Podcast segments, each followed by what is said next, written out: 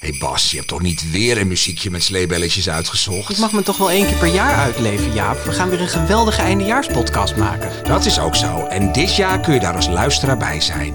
Op vrijdagavond 13 december in Café Kleef in Haarlem. Dan blikken we nog één keer terug op het afgelopen kinderboekenjaar. Ja, en dat doen we met drie topgasten. Aan tafel zitten de winnaars van de Gouden Griffel en het Gouden Penseel... Gideon Samson en Yvonne Jachtenberg. En ook de nieuwe kinderboekenambassadeur Manon Sikkel schrijft aan. Ja, kijk voor tickets op degrotevriendelijkepodcast.nl en wees snel, want er kunnen maar 50 mensen bij zijn. Alhoewel als je misgrijpt of je kunt niet langskomen, niet getreurd.